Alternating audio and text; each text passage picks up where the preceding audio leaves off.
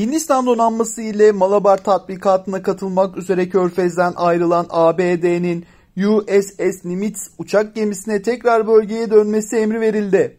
ABD donanmasından konuyla ilgili henüz resmi açıklama yapılmadı. Ancak Amerikan CNN televizyonuna konuşan bir savunma yetkilisi USS Nimitz gemisinin beraberindeki savaş gemileriyle Orta Doğu'ya geri döndüğünü söyledi. İsminin açıklanmasını istemeyen yetkili, Irak ile Afganistan'daki Amerikan askeri sayısının 15 Ocak'tan itibaren 2500'e düşürüleceğini hatırlatarak geminin bölgedeki Amerikan birliklerine destek sağlayacağını belirtti. Yetkilinin gemiye geri dönmesi emrinin İran nükleer programın kritik isimlerinden Muhsin Farizade'nin öldürülmesinden önce verildiği ifade etmesi dikkat çekti.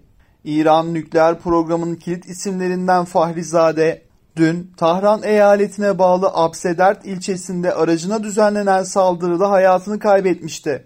İsrail Başbakanı Benjamin Netanyahu, Nisan 2018'de İran'ın nükleer programı hakkında yaptığı sunumda İran nükleer programının mimarı olarak tanınan Fahrizade'nin adını özellikle belirtmişti.